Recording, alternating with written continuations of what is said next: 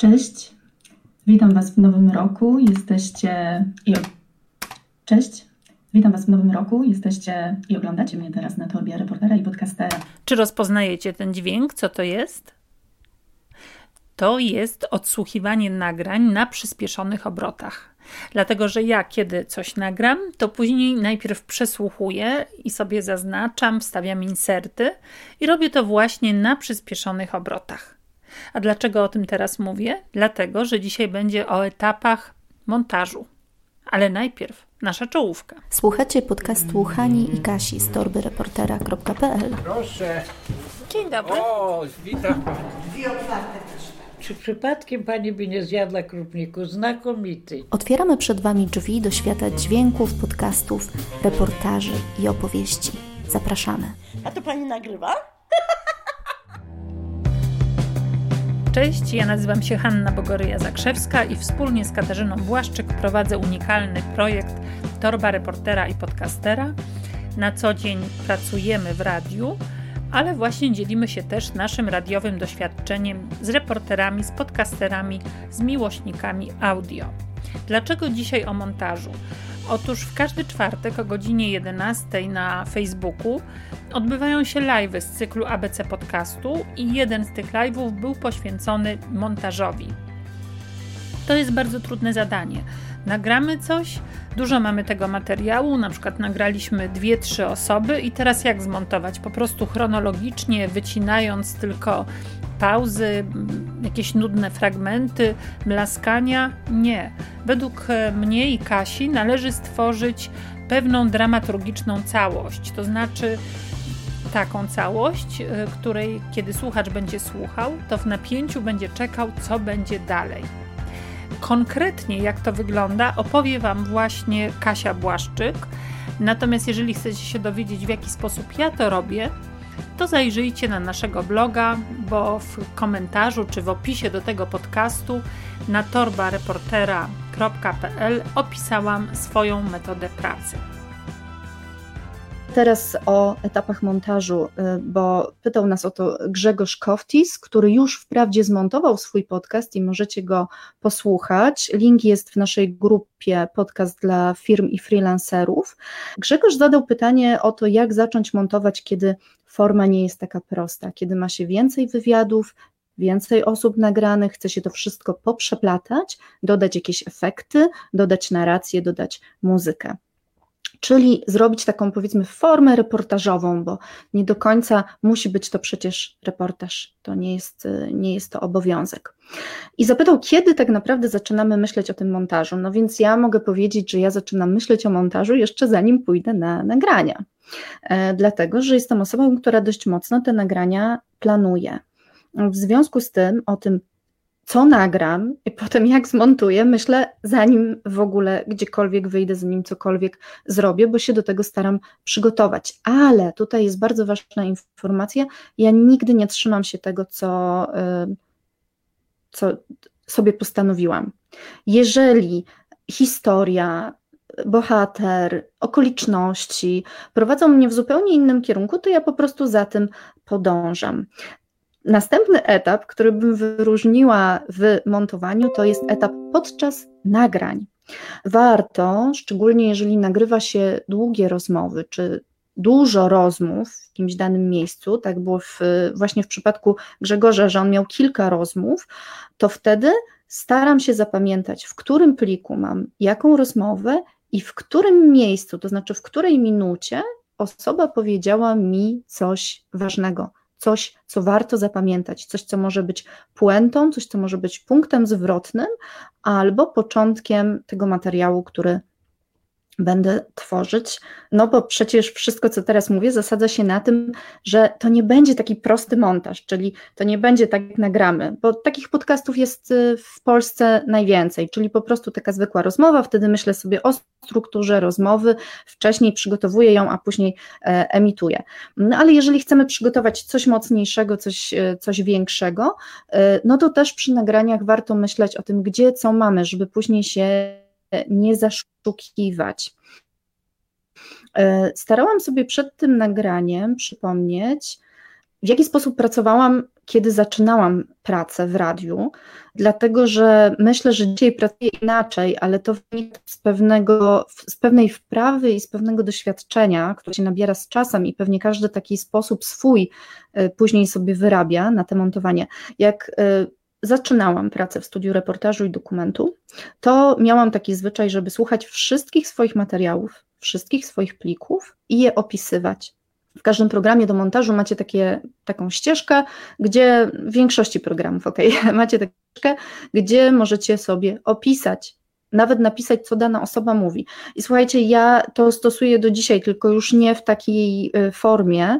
Przede wszystkim słucham na szybkich obrotach, żeby, bo to jest często dużo nagrań w moim wypadku. Natomiast staram się sobie opisywać te ważne rzeczy na tych ścieżkach, albo stawiam znaczniki w miejscach, w, który, w których padło coś, co uważam, że rzeczywiście będzie się znajdowało w moim montażu i że warto. Drugim sposobem na to, jak to robić, i wiem, że tak reportażyści robią, ja czasami jak bardzo się śpieszę, to też, to jest montowanie od razu, to znaczy wklejacie sobie całe, wszystkie te rozmowy, które przeprowadziliście e, w montaż i e, wyrzucacie, mm, robicie taką, taki pierwszy odsiew, wyrzucacie po prostu to, co uważacie, że na pewno się nie przyda. Tylko dla mnie ten sposób ma zasadniczy minus, a mianowicie bardzo często było tak, że coś wyrzuciłam, a potem bardzo chciałam to mieć. Więc zaczęłam robić w ten sposób, że wyrzucam do specjalnego innego montażu i łatwiej mi jest to później znaleźć niż na e, ścieżkach docelowych, co ma duże znaczenie w momencie, jeżeli tych nagrań to jest na przykład, nie wiem, dwa, no 20 godzin, naprawdę przy dużych projektach, ale nawet jeżeli jest ich 5 godzin, no to chodzi o to, że 5 godzin w 5 godzin musicie to, tego przesłuchać. Jeżeli to jest słuchanie 1 do 1, to jest mnóstwo czasu. Nawet jeżeli słuchacie na szybkich, to i tak jest mnóstwo, no to jest po prostu strata czasu, bardzo często tego czasu tyle wcale nie ma. W związku z tym ja, jeżeli stosuję tą, tę metodę z wyrzucaniem, ona jest dość szybka, e, to zawsze na inny montaż wrzucam sobie to, co być może może się przydać. Tym bardziej, że montując coś bardziej skomplikowanego niż taka zwykła rozmowa, e, Cześć wszystkim, którzy pojawili się teraz, bo widzę, że dołącz, dołączacie. E, to ważne jest właśnie to, żebyście mm, mieli taką możliwość podmontowywania wypowiedzi. Zdarza się, że ktoś e, na przykład źle coś ujął, ale wy wiecie o co mu chodziło i możecie mu pomóc, żeby ta wypowiedź była gładsza, żeby była ładniejsza, żeby była lepsza w odbiorze, montując samą wypowiedź. I to bardzo często zajmuje dużo czasu, e, ale się opłaca, dlatego że mm, no, później to brzmi rzeczywiście bardzo ładnie. Ludzie to już mówiłam chyba tutaj, że często właśnie mówią mi ojej, ja nie wiedziałem, że tak ładnie mówię. No jest to takie trochę może mini, mini oszustwo, bo oczywiście, ale dlaczego? Oni to tak naprawdę powiedzieli, tylko w innych słowach. Co się dzieje dalej? I takim kolejnym pytaniem, które y, słyszę, czy montować od razu z muzyką, czy montować od razu ze scenami radiowymi czy audio, czy montować od razu z efektami. E, I tutaj też y, to zależy i jest bardzo, są bardzo różne szkoły. Ja mogę opowiedzieć, jak ja to robię. E, ja staram się montować od razu z muzyką. Nawet jeżeli mam taką świadomość, że ja tę muzykę zmienię, bo na przykład nie mogę trafić na odpowiednią muzykę. To mi się zdarza notorycznie przy moich projektach, e, że mam problem z doborem muzyki. Oprawa muzyczna jest dla mnie trudna, ale kiedyś postanowiłam, że zrobię też o tym e, live, a może zaproponuję Wam coś jeszcze. Po prostu ja się na muzyce nie znam i bardzo ciężko jest mi ją dobrać, tak żeby ta muzyka była odpowiednia, żeby mnie też nie raziła, e, co bardzo często słyszę w polskich podcastach. To znaczy, mam wrażenie, że bardzo mało uwagi przywiązują autorzy do oprawy muzycznej i też do efektów, ale o tym, o tym za chwilę. No i Dlatego ja staram się zawsze jakąś muzykę wsadzić, nawet jeżeli mam z tyłu, z tyłu głowy, że będę jeszcze szukać. Dlaczego? Dlatego, że montując taki duży projekt, mam w głowie to, że to są wszystko takie jakby zamknięte fragmenty, czy zamknięte sceny, my to nazywamy. I w momencie, jeżeli ja nie zrobię tej muzyki od razu, y, to później mogę mieć problem w ogóle z jej podłożeniem Przy czym uwaga, nie każde audio moim zdaniem muzykę powinno mieć, a niektórym nawet dobrze robi, jak tej muzyki y, w ogóle nie ma. Natomiast rzeczywiście, jeżeli robicie podcast, który trwa godzinę, y, no to słuchacz może się zmęczyć. Może, nie musi, bo to też jest bardzo zależne. Jeżeli chodzi o efekty, y, czy od razu dodajemy efekty? Moim zdaniem tak. Dlatego, że moim zdaniem efekty służą w audio podstawowej rzeczy, czyli budowaniu scen radiowych. Na przykład e, wczoraj słucha, słuchałam nie całego, ale, ale początku właśnie tego podcastu Grzegorza, od którego w ogóle zaczął się pomysł na tego live'a. Tam na początek on używa takiego bardzo znanego zabiegu radiowego, czyli czyta swojego maila z propozycją nagrań no i pod to podkłada sobie klawiaturę. To jest zabieg bardzo znany, mm, nazwałabym go dosyć banalny, ale jest ok, tak, dla mnie, dla mnie to jest ok, Taki, takie efekty mm, bardzo często się zdarzają. I to jest pewna scena, to znaczy to, ten, ten cały fragment audio, bo tam też jest potem odpowiedź, to jest pewna tak zwana scena radiowa. I dlatego ja uważam, że to trzeba montować od początku razem, chociaż wiem, że to zajmuje dużo czasu i że niektórzy reportażyści, mm, czy niektórzy profesjonaliści, może tak to powiem, montują to trochę inaczej. To znaczy najpierw rzeczywiście montują samo słowo, ewentualnie zostawiając sobie dziurki na muzykę, gdzie wiedzą, że ta muzyka być może wejdzie, dziurki na efekty i później dołączają te efekty, jeżeli ich nie mają na przykład w nagraniu, jeżeli muszą je stworzyć, jeżeli muszą je dograć, bo to też może Wam się zdarzyć. Nie każdy efekt będziecie mieć, nie każdy efekt będziecie mieć dobrze nagrany. Obiecałam sobie, że nie będę o tym mówić, ale no muszę o tym powiedzieć, bo to jest tak znaczący przykład. To jest właśnie z reportażu Mezalians albo historia pewnej ucieczki. On zaczyna się sceną publikacji, kiedy ja czyszczę z bohaterem toaletę. E, I oczywiście ta scena była nagrywana mm, wielokrotnie. Z bohaterem nagraliśmy ją raz, ale potem w domu wielokrotnie wyczyściłam ubikację, żeby uzyskać taki efekt. Po to, żeby był dobry dźwięk. I to jest oczywiście wszystko stworzone. To jest, pamiętajcie, że audio to jest teatr wyobraźni, więc żeby ten teatr działał, no to trzeba się troszeczkę postarać. Dla mnie scena radiowa to jest po prostu połączenie głosu danego bohatera, czyli interlokutora, mówiąc inaczej, efektów, czyli też nagrywanie go w akcji, bo bardzo często my nagrywamy w akcji, tak, bo tym się zajmowałyśmy, czyli to nie były proste wywiady i to nie było łączenie tylko e, słowa, chociaż takie reportaże i takie mm, formy w radiu też się zdarzały. I myślę, że one będą bardzo popularne w podcastach. Mm, czyli łączenie różnych głosów na początek, bez efektów, ale na przykład z dodatkiem muzyki. No i wtedy wiadomo, że trzeba wybierać najfajniejsze fragmenty, czyli jedna wypowiedź powinna się moim zdaniem uzupełniać drugą. Grzegorz Kowtis wybrnął z tego tak, że on rzeczywiście mm, nagrał kilka osób, ale tak naprawdę one mówią dosyć długie kwestie i to są takie wywiady z nimi, poszczególne wywiady przerywane muzyką, przerywane efektami. Gdybym, tak sobie myślę, montowała ten podcast ja, to zrobiłabym to inaczej. To znaczy, ja zrobiłabym z tego taki zdecydowanie zlepek, czyli jedna osoba zazębia się z drugą, jedna ciągnie wątek drugiej, bo uważam, że jest po prostu audialnie ciekawsze, że to bardziej przykuwa uwagę. No i teraz najważniejsze, czyli początek i koniec. Z tym oczywiście jest najwięcej problemu. Jeżeli nie zrobisz początku, to de facto nie ruszysz dalej. Czyli musisz jakiś początek sobie stworzyć, jakikolwiek na początku. To znaczy, coś musi zacząć Twoją opowieść, ale to absolutnie, i w moim przypadku tak jest bardzo często, nie jest coś, co zostanie. To może być jakieś ciekawe zdanie na początek, to może być jakaś fajna scena, e, to może być nawet muzyka, jeżeli przyciąga uwagę i rzeczywiście koresponduje z, mm, z treścią. I tutaj e, podam przykład reportażu Wymyśliłam sobie. Mm, to jest reportaż, który zrobiłam już no, wiele lat temu, tak naprawdę.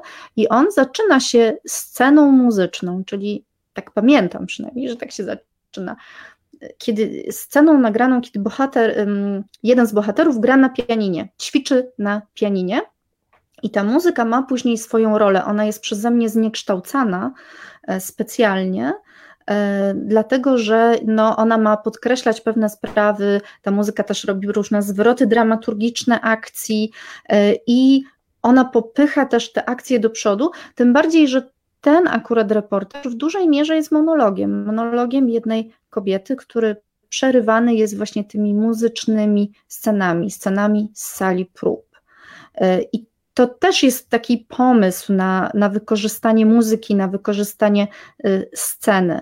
No właśnie to jest, to, to jest też ten powód do początku, że zanim pójdziesz na nagrania, zastanów się, co chcesz nagrać. Jak robisz nagrania, uważaj, jak nagrywasz, a wtedy montaż i te etapy montażu y, będą już Mm, dużo łatwiejsze. Ale co w przypadku, jeżeli robimy ogromny projekt? E, mam taką nadzieję, że rok 2021 nie tylko będzie należał do podcastów, ale że będzie należał do e, seriali podcasterskich. E, tego y, w Polsce brakuje. Mam nadzieję, że będzie tego więcej. I w momencie, kiedy robimy duży projekt, tych nagrań może być mnóstwo.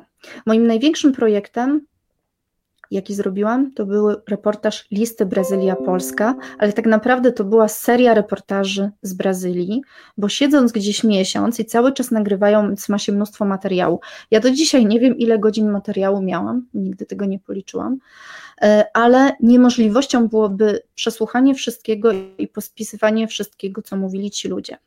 Ponieważ byłam w podróży i cały czas się przemieszczałam, niemożliwością, też nie było takich możliwości technicznych, bo nie czarujmy się, to był 2012 rok e, i ani nie było takich łączy internetowych, ani komórki tak dobrze nie działały jak teraz. Naprawdę świat stał się bardzo przyjazny, bardzo przyjazny też ludziom, którzy nagrywają. No, może nie teraz, bo mamy koronawirusa, mm, ale pomijając ten fakt, no to zmienił się, technologicznie się zmienił i dzięki temu możemy więcej.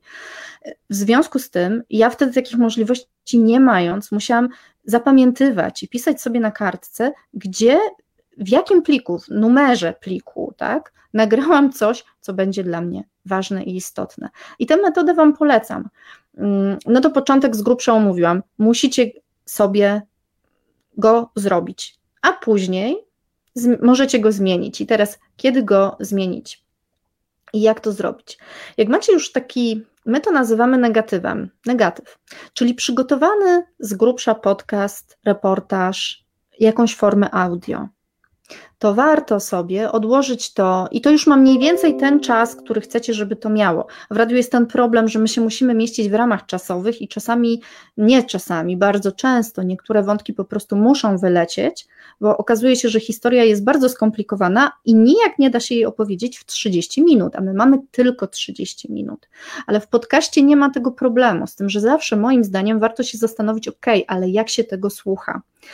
I to robi się najczęściej, jeżeli jest czas, jeżeli chcemy, mm, żeby to było fajne, po kilku dniach. Jeden, dwa dni wystarczają, żeby nabrać takiego dystansu, bo tak naprawdę montując cokolwiek, bardzo się z tym wiążemy. Emocjonalnie się wiążemy, ja się wiążę na przykład, tak, że o, uważam, że to jest taki genialny pomysł i on na pewno będzie super. Słucham za dwa dni, no nie, nie jest super, ok, brzmi to tandetnie, brzmi to banalnie, wycinamy. E, natomiast warto sobie zostawić, ale tak jak mówię, dopiero na etapie, jeżeli to już jest ten tak, tak zwany negatyw, ta prawie wersja mm, ostateczna. I znowu w przypadku bardzo dużych projektów, na których Wam zależy, warto mieć tak zwane drugie ucho, czyli osobę, która takiego jeszcze negatywu, jeszcze czegoś, co nie zostało zrealizowane dźwiękowo, y, posłucha i, i właśnie powie. Fajnie jest, jeżeli akurat y, przy negatywach dobrze jest, jeżeli słuchają tego osoby mające doświadczenie z dźwiękiem, które same montują, które same coś w tym dźwięku robią, bo one są też sobie w stanie wyobrazić, jak to może zabrzmieć po tak zwanej realizacji akustycznej, czyli tym etapie, który jest ostatni i następuje po wszystkim. W momencie, kiedy właśnie mamy gotowy już tak zwany negatyw, jesteśmy przekonani, że tak ma być, zaczynamy realizować dźwiękowo swój materiał. I teraz, co mam na myśli mówiąc realizować dźwiękowo? Ja nie mówię o wycinaniu y, czy jakiś tam a i, tak dalej. Nie, ja to robię od razu, od razu montując. Ja nawet od razu montując mniej więcej wyrównuję poziomy. Realizacja akustyczna to jest nadanie głębi mojemu audio i to jest, e, no, to jest wyrównanie poziomów już do takiego rzeczywiście poziomu, który chcę mieć. I ja to robię ręcznie, natomiast wszystkim, którzy zaczynają swoją przygodę z audio, polecam jednak taki mm, fajny środek, nazywa się Ultra Maximizer. Poszukajcie go w swoich programach i przypuszczajcie przez ten Ultra, Ultra Maximizer swoje produkcje, to naprawdę pomaga e, i, i warto, warto. E, ja to robię na ucho, mm, dlatego że właściwie nie wiem dlaczego, bo tak się nauczyłam, bo już od lat to robię na ucho, mm, ale ograniczone zaufanie. To znaczy, myślę, że Ultra Maximizery są, y, są dobre. I mm, jak już widzicie te, mm, te ostateczne zgranie, y, no to właśnie wtedy też y, bardzo mocno trzeba wyrównywać muzykę. Ja od razu wyrównuję tę muzykę, jak ją podkładam, tak? Ale to też jest taki moment na przykład na różnego rodzaju zmiany, na to, żeby tę muzykę wygładzić, albo żeby jeszcze coś z nią zrobić, może ją po prostu zmienić, co często się zdarza, mnie się często zdarza. Jak już mm, macie zrealizowany ten produkt, i to już jest taki koniec, koniec, to znowu warto go odłożyć na półeczkę na jeden, dwa dni i później kolejny raz posłuchać, Powiem Wam, że realizowanie dźwięku to jest naprawdę mega artystyczna praca. I ile by się nie, reali nie realizowało, to zawsze coś się znajdzie. Przynajmniej ja mam takie doświadczenia, mimo tego, że na potrzeby tego live'a mm, uświadomiłam sobie, że tylko pięć razy realizowałam z profesjonalistami. Większość swoich produkcji, a nawet produkcji innych osób y, radiowe zrealizowałam sama Także da się tego nauczyć, na pewno da się to zrobić, natomiast to jest trudna praca i to jest ważny etap, ta właśnie realizacja akustyczna. Im prostsza forma, tym oczywiście prościej ją zrobić. Im bardziej skomplikowana forma, tym bardziej skomplikowana też realizacja akustyczna. E, chyba mało Wam powiedziałam o zakończeniach, e, ale właśnie tak na zakończenie sobie to zostawiłam. Co jest ważne? No oczywiście, no powiem tutaj rzeczy banalne, że zakończenie nie powinno być banalne, powinno być ważne i to jest ta myśl, do której zmierzamy w swoim montażu, czyli to coś podsumowującego, coś takiego, z czym zostawiamy odbiorcę, co będzie w nim rezonowało, Aczkolwiek to nie zawsze musi być na takim mega wysokim poziomie, to znaczy to nie zawsze musi być złota rada, to nie zawsze musi być, um, nawet lepiej jak nie jest to złota rada, tylko jak jeszcze musimy się nad tym zastanowić, jak jeszcze musimy nad tym pokombinować. I też nie chodzi tylko o ostatnie zdanie, chodzi tak jakby o tą całą frazę, którą umieszczacie na koniec. I tutaj znowu mm, jest mi łatwiej, bo, bo mamy książkę, tak? Więc e, znowu przykład z, e, z wymyśliłam sobie. To było też w reportażu radiowym, a później ja to przeniosłam do, do, do książki. Zdarzyło się naprawdę opowieści reporterskie napisanej wspólnie z Hanką Bogoryja Zakrzewską. I tutaj ona mówi tak: Nie mam córki, nie mogę mieć więcej dzieci, nie mam super pracy. Wolontariat mnie nauczył przykładania wagi do pozytywów. To, co mogę zrobić, to skupić się na tych rzeczach, które mam, a nie na tych, których mi brak. No i we mnie takie słowa na przykład e, zostają bardzo, bardzo mocno. Nie wiem jak w Was. Może niektórym też wydadzą się banalne, to zależy od, od człowieka, ale też pewnie zależy od historii, a akurat ta historia e, była rzeczywiście bardzo, bardzo, bardzo mocna. Zresztą możecie jej posłuchać. Reportaż wymyśliłam sobie albo przeczytać też pod tym samym tytułem. Swoim doświadczeniem podzieliła się z Wami Katarzyna Błaszczyk. Natomiast ja zapraszam Was w każdy czwartek do grupy Podcast dla firm i freelancerów, ale także na Facebooka Torby Reportera i Podcastera, gdzie prowadzę live'y o godzinie 11 z cyklu ABC Podcastu. Najbliższy live będzie poświęcony temu, jak w atrakcyjny sposób zbudować, skonstruować podcast jednoosobowy, to znaczy taki, w którym nie prowadzimy z kimś rozmowy, tylko opieramy się na tym, co my mówimy. Jest to trudne. dlatego że można wpaść w pewną monotonię, można znudzić naszego słuchacza. Więc jak to zrobić, żeby słuchacz włączył i nie odszedł i nie przestał nas słuchać, nie wyłączył do momentu, kiedy my skończymy? Zapraszam Was w najbliższy czwartek o godzinie 11. Natomiast jeżeli macie jakieś inne pytania do nas, y, kiedy możemy Wam służyć swoją radą wynikającą z naszego radiowego doświadczenia, to bardzo prosimy, napiszcie do nas albo w komentarzu, albo messengerem, albo w mailu torbareportera małpa gmail.com. Dziękuję i do usłyszenia następnym razem.